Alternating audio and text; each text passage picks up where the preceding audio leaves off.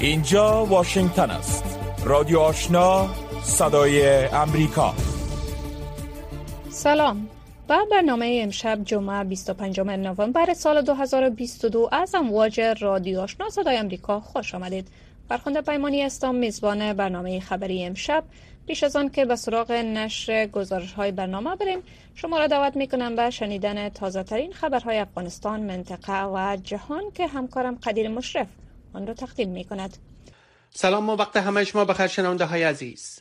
همزمان با روز جهانی محو خشونت علیه زنان هیئت معاونت سازمان ملل متحد در افغانستان یا یوناما از اعمال خشونت های گوناگون طی بیش از یک سال گذشته بر زنان در این کشور انتقاد کرده و خواستار پایان دادن آن شده است. یوناما روز جمعه 25 نوامبر با نشر بیانیه‌ای گفته است که در افغانستان به عنوان کشوری که بالاترین ارقام خشونت علیه زنان را در جهان دارد بسیاری از حقوق اساسی زنان از تابستان سال گذشته میلادی بدین طرف محدود یا لغو شده است. یوناما گفته است که سازمان ملل متحد در افغانستان از مقامات حاکم این کشور می خواهد که گام های فوری برای پایان دادن به خشونت علیه زنان و جلوگیری از بدتر شدن حقوق زنان به عنوان بخشی از تلاش های حیاتی برای برقراری صلح منادار و پایدار بردارند. همچنان بر اساس گزارش های سازمان های معتبر جهانی زنانی که برای حقوقشان دادخواهی کردند نیز در حاکمیت طالبان بازداشت زندانی و شکنجه شدند آنچه حکومت طالبان آن را همیشه رد کرده است شبکه تحلیلگران بلاغ همزمان با روز جهانی محو خشونت علیه زنان تحقیق را نشر کرده که بر اساس آن بیش از 97 درصد اشتراک کنندگان در این تحقیق با آموزش دختران و رفتن آنان به مکتب مخالفت ندارند. این نهاد مستقر در امریکا گفته است که این تحقیق در 34 ولایت افغانستان با اشتراک 500 نفر از اقوام مختلف بین سنین 15 تا 60 سال انجام شده است. در این تحقیق یک اشاره 8 درصد پاسخ دهندگان مخالفتشان را با آموزش دختران و رفتن به مکتب بیان کردند. همچنین پرسشی دیگر در مورد تحصیلات در پنتون ها از اشتراک کنندگان مطرح شده که بر اساس یافته های این تحقیق حدود 97 درصد هیچ مخالفتی در این زمینه نداشتند. اما 2.4 درصد به طور قطع مخالف تحصیلات عالی دختران بودند. جزئیات این تحقیق را در وبسایت های دری و پشتوی صدا امریکا خواندن می توانید پس از شلاق زدن سه زن و یازده مرد متهم در ولایت لوگر توسط طالبان سازمان عفو بین الملل این عملکرد طالبان را بازگشت آن گروه به شیوه های بیرحمانه و تندروانه توصیف کرده و خواستار توقف فوری آن شده است. سمیرا حمیدی فعال بخش جنوب آسیای عفو بین الملل در واکنش به این اقدام طالبان گفته است که شلاق زدن زنان و مردان در ملای عام نقض ممنوعیت مطلق شکنجه و سایر بدرفتاری ها بر اساس قوانین بین المللی بوده و نباید تحت هیچ شرایط انجام شود. هوگو شورتر جاج دافیر سفارت بریتانیا برای افغانستان نیز در واکنش به شلاق زدن افراد در ولایت لوگر. این اقدام طالبان را در افغانستان تکان دهنده عنوان کرده گفته است که این تبعیض حقوق بشر را تضعیف کرده و مانع بهبود و احیای مجدد اقتصادی افغانستان می شود که این کشور به شدت به آن نیاز دارد. رفیع الله سمیم رئیس اطلاعات و فرهنگ ولایت طالبان برای لوگر به خبرگزاری فرانس پرس تطبیق حدود شهری را تایید کرده و گفته بود که حد اکثر مجازات تطبیق شده بر سه زن و یازده مرد که به گفته وی به سرقت و جرایم اخلاقی متهم بودند 39 شلاق بود. او افزوده که این حکم در محضر عام تطبیق نشده است. بلال کریمی معاون سخنگوی حکومت طالبان در واکنش به اظهارات اخیر ولادیمیر پوتین رئیس جمهور روسیه در خصوص تشکیل یک حکومت همشمول در افغانستان می‌گوید که این یک مسئله داخلی مردم افغانستان بوده و مردم این کشور در چارچوب سیستم سیاسی خود تصمیم خواهند گرفت آقای کریمی به صدای امریکا گفت که این مسئولیت جامعه بین و کشورهای منطقه است تا حکومت طالبان را به رسمیت شناخته و از طریق جامعه دیپلماتیک راههایی را برای حل مشکلات دریابند. ولادیمیر پوتین رئیس جمهور روسیه خواستار ایجاد یک حکومت فراگیر در افغانستان شده است. آقای پوتین روز چهارشنبه در اجلاس سران کشورهای عضو سازمان پیمان امنیت جمعی گفت که اولویت مسکو اکنون حصول اطمینان از ایجاد یک حکومت واقعا فراگیر در افغانستان است. حکومتی که به گفته وی در آن نمایندگان تمام گروه های قومی در سطوح درست حضور داشته باشند. کمیشنری عالی سازمان ملل متحد در امور پناهندگان هشدار می دهد که بدتر شدن شرایط اجتماعی اقتصادی درگیری های جدید و مداوم و کمبود بودجه بشردوستانه خطر خشونت مبتنی بر جنسیت را برای زنان و دختران آوارگان اجباری در جهان افزایش می دهد.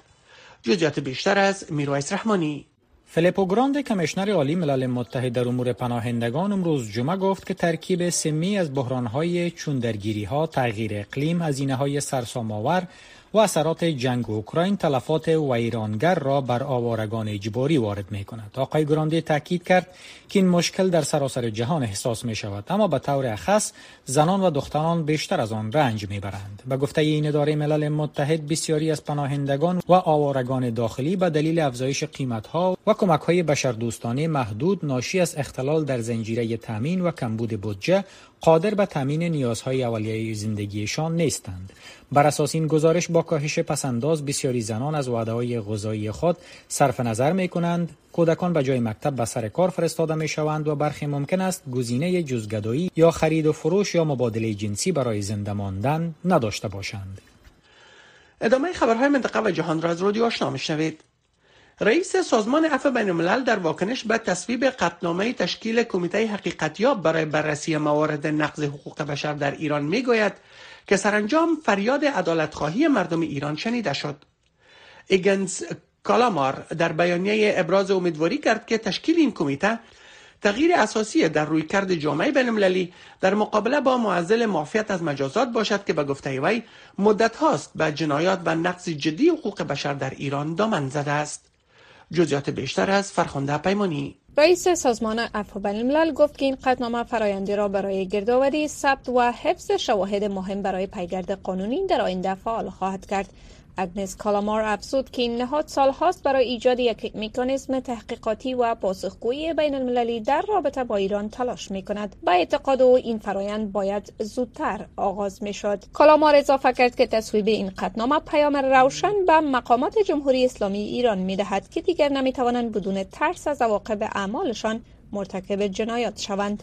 رئیس سازمان عفو بین الملل علاوه کرد که حالا حکومت ها باید اطمینان حاصل کنند که این مأموریت بدون تأخیر اجرایی شده و منابع کافی را در اختیار داشته باشد. او تاکید کرد که همچنین کشورها باید از مقامات جمهوری اسلامی ایران بخواهند که به طور کامل همکاری کنند و اجازه دسترسی بدون مانع به معلومات را بدهند. شورای حقوق بشر سازمان ملل متحد در سی و پنجمین نشست ویژه خود در روز پنجشنبه به تشکیل یک کمیته حقیقت یاب جدید برای انجام تحقیقات در مورد گزارش های مربوط به نقض حقوق بشر در جمهوری اسلامی ایران رأی مثبت داد. تهران تا زمان تهیه این خبر در خصوص این اظهارات رئیس سازمان عفو بین الملل ابراز نظر نکرده است. تلویزیون دولتی ایران گزارش داده است که تهران برای تقویت سرحدات شمالی این کشور با عراق و آنچه جلوگیری از نفوذ گروه های مخالف کردی عنوان کرده واحدهای اضافی نیروهای ویژه را به آن منطقه فرستاده است. ارنا شبکه خبری دولتی ایران به نقل از یک مقام ارشد نظامی این کشور گزارش داده که واحدهای اضافی به سرحدات شمالی مانع نفوذ گروه های مخالف کرد و قاچاق سلاح از عراق خواهند شد. این یک ادعایی است که گروه های کرد آن را رد کرده و ایران هم شواهد را برای اثبات این ادعاهای خود فراهم نکرده است. عراق نیز تصمیم گرفته تا سرحدات خود را با ایران تقویت بخشد. ینز استولتنبرگ منشی عمومی ناتو می‌گوید که این سازمان نظامی آماده است تا اوکراین را در دفاع علیه روسیه تا زمانی که نیاز باشد کمک کند. آقای استولتنبرگ می‌گوید که ناتو می‌خواهد در اصری سازی نیروهای نظامی اوکراین کمک کند. این اظهارات روز جمعه منشی عمومی ناتو قبل از نشست هفته آینده وزرای خارجه این پیمان بیان می شود که قرار است در رومانیا برگزار شود.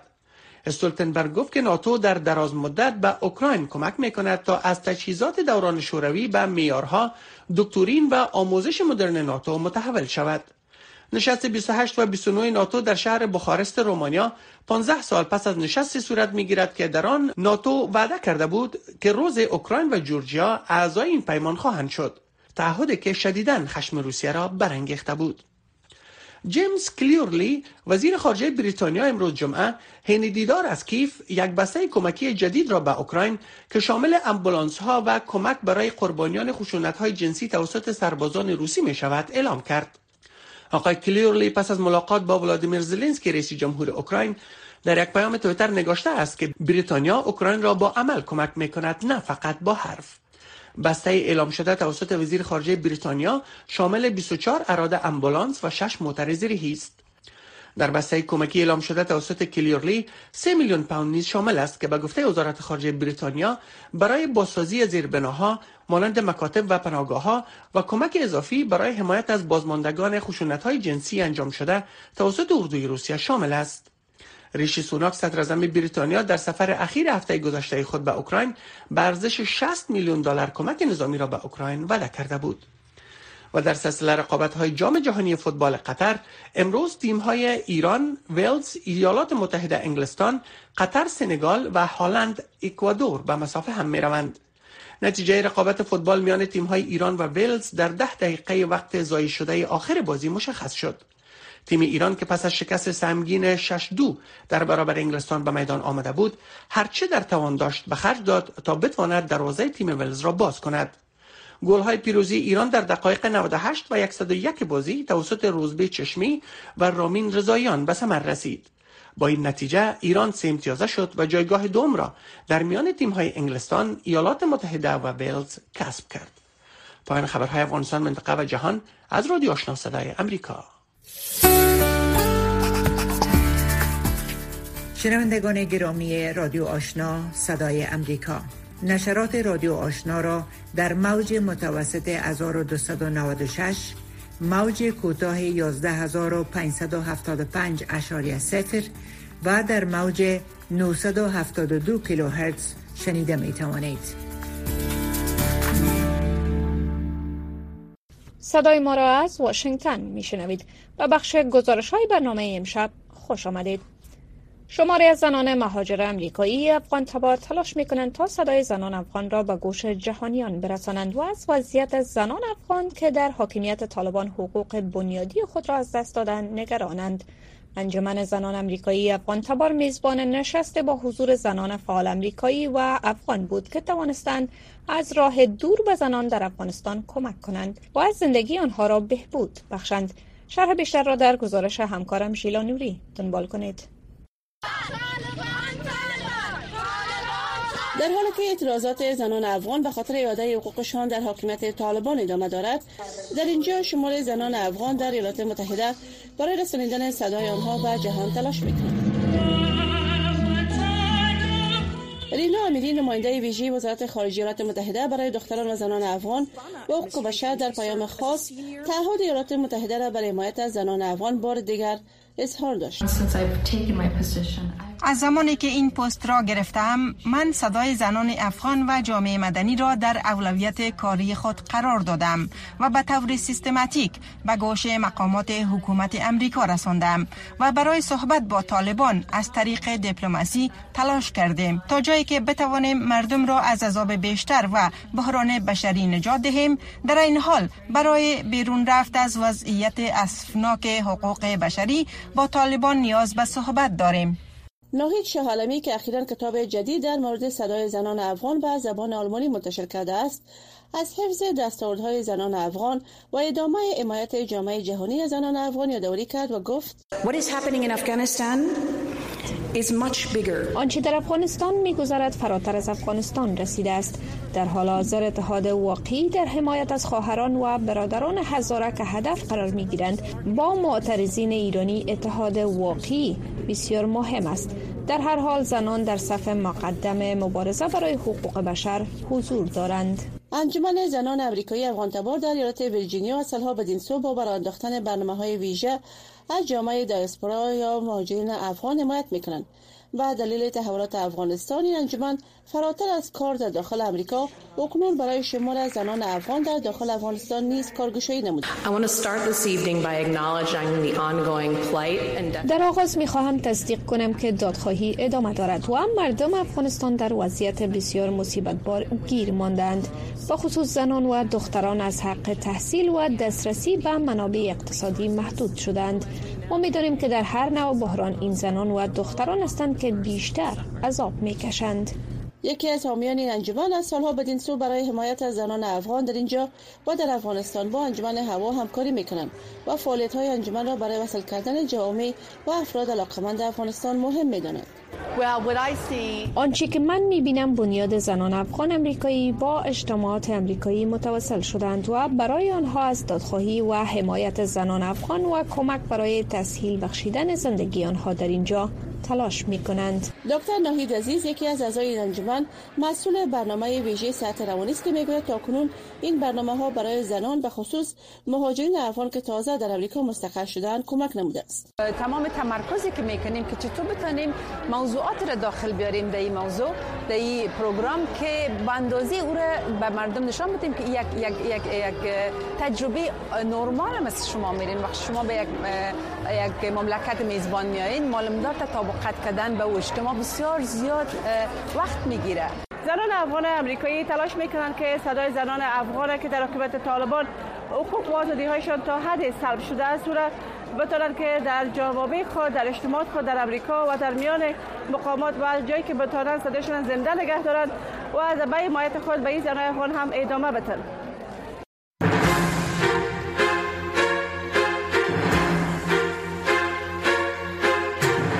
صدای امریکا هفت شام تا هفت صبح.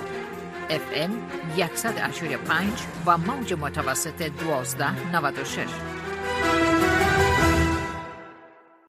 سازمان دیدبان حقوق بشر مستقر در ایالات متحده اخیرا مقامات ترکیه را به اخراج دست جمعی پناهجویان افغان مخصوصا از افغانهایی که در پیشتر در معرض خطر هستند متهم کرده است. دوریان جونز خبرنگار صدای امریکا از استانبول گزارش تهیه نموده. که جزئیات آن را برایتان تقدیم می کنم. احمد روزهای دشواری را پشت سر میگذراند احمد نام مستعار این جوان است و ما از فاش کردن هویت اصلی او در این گزارش به دلایل امنیتی خودداری می کنیم او که قبل از تسلط طالبان بر افغانستان یک پیلوت آموزش دیده در ایالات متحده بود و در مقابل طالبان می جنگید از سال گذشته به این سو در شهر استانبول ترکیه به سر می‌برد و منتظر رسیدگی به درخواست پناهندگیش به امریکا است. احمد حالا در سایه اخراج ترکیه زندگی می کند من خودم چندین نفر را می‌شناسم که اخراج شدهاند و تعداد از آنان نظامیان سابق افغان بودند. طالبان می‌گویند که نیروهای نظامی در دولت سابق را بخشیدند اما این حقیقت ندارد. هنوز هم این خبرها را میشنویم که طالبان به دنبال آنان هستند و به انواع مختلف کشته می‌شوند و ربوده می‌شوند. ریاست تنظیم مهاجرت ترکیه می‌گوید که در سال جاری بیش از 50 هزار افغان را از طریق هوایی به افغانستان اخراج کرده است. این در حالی است که 240 هزار افغان دیگر در مرز میان ایران و ترکیه به عقب رانده شده یا آنان اجازه ورود به ترکیه دادن نشده است. گزارش سازمان دیدبان حقوق بشر که روز جمعه نشر شد مقامات ترکیه را به استفاده از زور و اخراج دست جمعی افغان ها متهم می کند آنچه ما می بینیم این است که این افراد عموما در شهرهای ترکیه در عملیات بزرگ پلیس جمعوری می شوند در مراکز اخراج انتقال داده شده و سپس مجبور ساخته می شوند تا اسناد خروج داوطلبانه از این کشور را امضا کند. عنوان گزارش ما هیچ کس از من نپرسید که چرا افغانستان را ترک کردم است و این خلاصه ای از این حقیقت است که به هیچ کس فرصت ارائه درخواست پناهندگی در ترکیه داده نشده است. مقامات ترکیه اتهام اخراج اجباری افغانها را شدیدا رد کرده و می‌گویند که آنها بر اساس معیارات بین المللی عمل می کنند ترکیه میزبان نزدیک به چهار میلیون پناهنده عمدتا سوری است. با این حال با افزایش نارضایتی مردم در مورد پناهجویان و انتخابات سال آینده دولت از ورود پناهجویان بیشتر به این کشور حراس دارد. تعداد پناهجویان جدید افغان که در این اواخر به ترکیه می آیند بیشتر و بیشتر از پناهجویان سوری است. بنابراین دولت ترکیه از رسیدن موج جدید پناهجویان افغان به این کشور حراس دارد. انتظار می رود که با نزدیک شدن تاریخ انتخابات در ترکیه پروسه جمعوری و اخراج افغان ها تشدید شود. مقامات همچنین اعلام کردند که اجازه اقامت بسیاری افغانها در استانبول به شمول احمد تمدید نخواهد شد. اجازه اقامت احمد در ماه جاری میلادی به پایان می رسد اما احمد می‌گوید آخرین مصاحبه او برای درخواست پناهندگی به ایالات متحده تا چند هفته دیگر خواهد بود. و امید او برای یکجا شدن دوباره او با همسر و چهار فرزندش می باشد. این یک مسابقه با زمان است. بنابراین امیدوار هستم که به ایالات متحده بروم زیرا خانواده من در آنجا است. من هر زمانی که در سرک ها قدم می‌زنم می ترسم که مبادا پلیس ترکیه مرا متوقف کرده و اسناد بخواهد که من آن را ندارم. بنابراین ممکن با اخراج اجباری مواجه شم و از اخراج به افغانستان بسیار زیاد می ترسم هفته های آینده روزهای تعیین کننده زندگی احمد است. اخراج به افغانستان و مرگ احتمالی و یا آغاز یک زندگی جدید با خانوادهش در امریکا روکو راست. صحبت های داغ صاحب نظران در مورد خبرها و مسائل روز هر شام از ساعت 8 تا 9 شب. در برنامه مشترک دری و پشتوی رادیو آشنا صدای امریکا. بخش زنده این برنامه را در نشرات ماهواره صدای امریکا نیز دنبال کرده می توانید.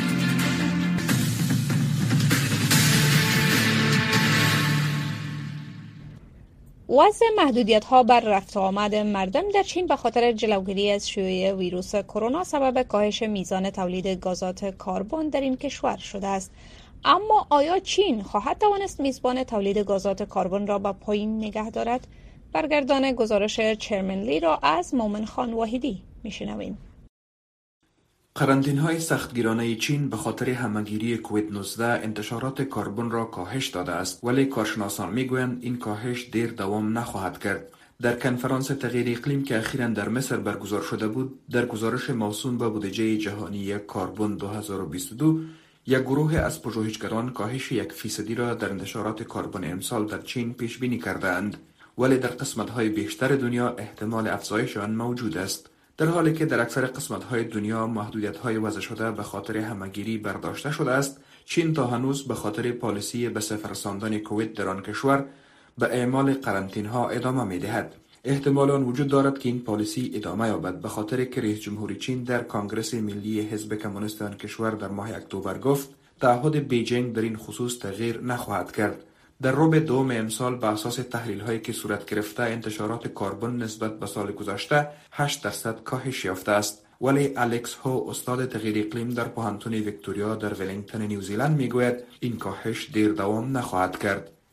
ما با پنج سال آینده می نگریم که ممکن انتشارات گاز کربن یک حالت بسیار بدی را با میان بیاورد به خاطر که اعتماد سرمایه گذاری را متاثر می سازد.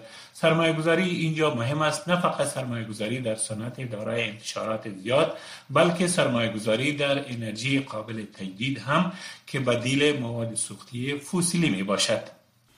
آقای هو علاوه کرد که های محلی چین ممکن به خاطر تدارکات مطمئنتر انرژی به استفاده از غال رو بیاورند. این کشور تعهد کرده است که انتشارات کربن را تا سال 2030 به بالاترین سطح آن افزایش خواهد داد و تا سال 2060 آن را به صفر تنزیل خواهد داد. چین به خاطر مقابله با موج شدید گرما در تابستان امسال استفاده از غال را افزایش داده است. کارشناسان اقلیم می‌گویند این نوع استفاده در آینده به خاطر تغییرات اقلیمی به میان آمده توسط انسانها بیشتر خواهد شد. دانیل وودزل از اداره بین المللی انرژی می‌گوید سرعت دادن به انتقال از انرژی فسیلی به انرژی قابل تجدید راه متداومتر کاهش انتشارات کربن می باشد. ما نیاز داریم که در این عرصه شاهد دیدن تغییرات سیستماتیک باشیم و آن اینکه مردم به جای موتورهایی که تیل مصرف می کنند موتورهای برقی بخرند و به جای زغال انرژی قابل تجدید مصرف کنند چین در نظر دارد که تا سال 2025 سوم حصه انرژی مورد نیاز خود را از منابع قابل تجدید فراهم کند. ارقام رسمی در سال 2021 نشان داد که این رقم 30 فیصد قابل حصول است.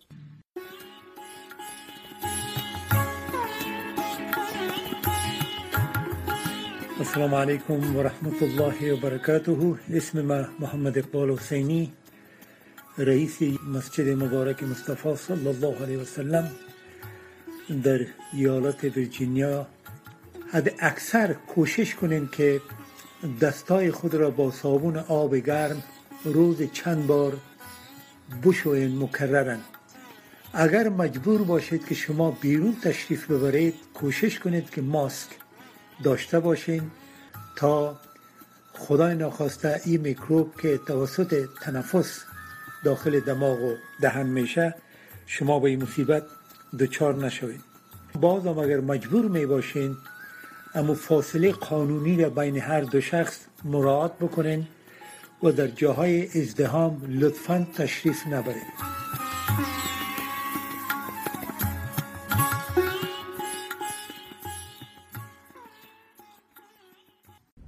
محمود و بهاری رئیس جمهور نایجیریا روز سهشنبه نخستین مرکز استخراج نفت را در شمال این کشور افتتاح کرد.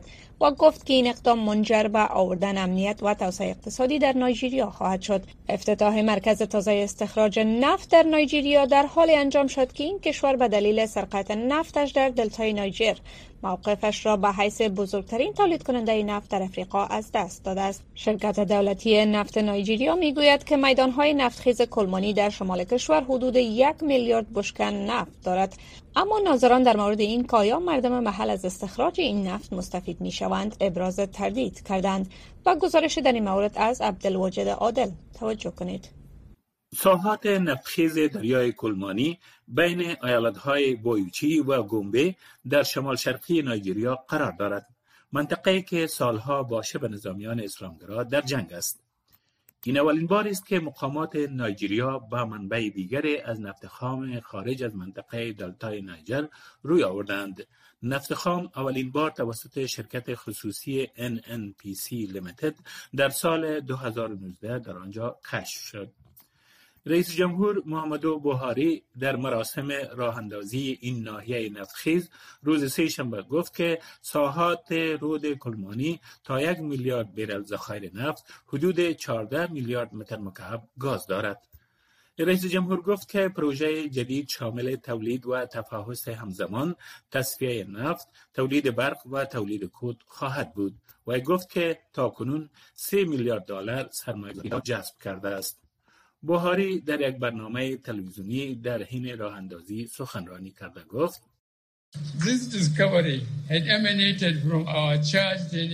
این اکتشاف از مسئولیت ما به NNPC سرچشمه گرفته بود تا رد پای اکتشاف نفت و گاز را مجددا شامل استراتژی کرده و گسترش دهد. فعالیت های مشابه در سایر حوزه های نفتی در حال حاضر به طور فعال ادامه دارد. پیش بینی می شود که این پروژه روزانه 50 هزار بیرل نفت خام تولید کند. بخاری گفت که این پروژه از طریق ایجاد شغل، امنیت انرژی، امنیت مالی و توسعه جامعه به نفع مردم محلی خواهد بود. بر اساس احصایه های سازمان کشورهای صادر کننده نفت در ماه نوامبر نایجریا اکنون در رتبه هفتم فهرست تولید نفت خام این سازمان قرار دارد. مقامات سرقت گسترده در منطقه دلتای نیجر را عامل این کاهش می‌دانند و تلاش کردند تولید را افزایش دهند. ایمانوئل افامیا بنیانگذار شرکت مشورتی انرمیکس می‌گوید که این بار باید از اشتباهات گذشته در منطقه دلتای نیجر اجتناب شود. The government should have learned from that and then be able to provide دولت باید از این عمل درس گرفته باشد و سپس بتواند محیط مناسبی را برای مردم ساکن در آن جامعه فراهم کند تا آنها بتوانند واقعا امرار معاش کنند. آنها باید زیربناهای را فراهم کنند که های حفاری در آن منطقه را به گونه فراهم کند که بر منبع معیشت مردم تاثیر نگذارد. افیمیان می‌گوید پروژه جدید تفحصاتی و گذاری بیشتر نیاز دارد تا بتواند سهم قابل توجه در تولید نفت نایجریا داشته باشد. یکی دیگر از تحلیلگران نفت و گاز تو این اکینوشو می‌گوید موفقیت شامل فکر کردن به این است که چگونه تولید نفت می‌تواند برای مردم مفید باشد. نایجریا امیدوار است با استفاده از گاز به عنوان سوخت انتقالی تا سال 2060 به هدف صفری انتشار خالص گازات گلخانه‌ای برسد. رئیس جمهور بوهاری از NNPC لیمیتد و شرکای آن خواسته است تا روابط هماهنگ با جوامع میزبان را تضمین کنند. تلویزیون آشنا دریچه شما و سوی جهان نه تنها در صفحه تلویزیون بلکه در صفحه اختصاصی فیسبوک تلویزیون آشنا. در وبسایت دری با آدرس voanews.com دری. در یوتیوب با آدرس او افغانستان دری. و در صفحه اینترنتی تویتر. تلویزیون آشنا در هر زمان و هر مکان پیوند دهنده شما با جهان.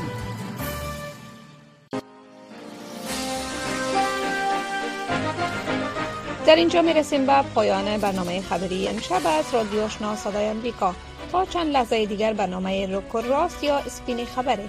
آغاز می شود و شما را دعوت می کنم که شنونده برنامه های رادیو آشنا صدای امریکا باشید.